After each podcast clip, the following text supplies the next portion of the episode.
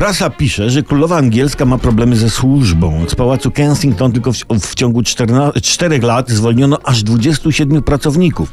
Jak pisze prasa, służba plądrowała pałac, obijała się całymi dniami. W godzinach pracy uprawiała uciechy cielesne w formie zigi zagi dang. Tak, Rozumiemy. No ale przykład, przykład idzie z góry, bo co taka rodzina królewska ma do roboty? Wstanie taka rodzina świtkim koło południa, poprawi grzywkę, wróć, służba poprawi i dzień roboczy jak z berła strzelił. Jedno wielkie leniuchowanie. Z nudów to podobno rodzina królewska chowa sobie nawzajem pilota do telewizora, a pałac ma z 500 komnat. I szukaj tu. Śmichu czasami jest jak na grillu u szwagra, jak mu podpałkę wypiją. No, no, no to służba bierze przykład z panów, nie? A, a nie jest to łatwa służba. Na przykład książę Karol, czytałem, ma specjalnego sługę do nakładania pasty na szczoteczkę książęcą do zębów. No jest to wielki podpasty koronny.